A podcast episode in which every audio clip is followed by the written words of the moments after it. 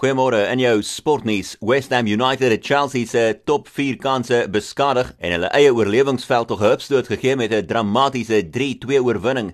Chelsea het gehoop om die meeste te maak van derde plek span Leicester se 2-1 nederlaag by Everton vroeër in die dag, maar dit is die Blues wat toe geklop word vir eerste keer sedert die Engelse Premier League weer begin het.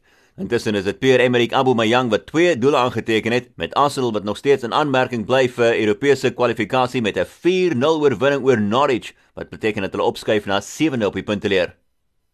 In Italië was daar ook aksie gisterand gewees. Ashley Young, Alexis Sanchez en Christian Eriksen het almal die agterkant van die net gevind met Inter Milan wat vir Brescia pak slag gegee het met 6-0 om derde te bly in Serie A.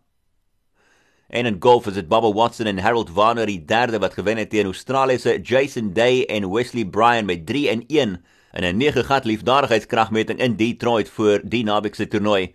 Die naweek se PGA Tour kragmeting in Detroit sal gespeel word sonder toeskouers en is die vierde toernooi sedert die PGA Tour weer begin het na 'n 3 maand staking wat begin het in Maart.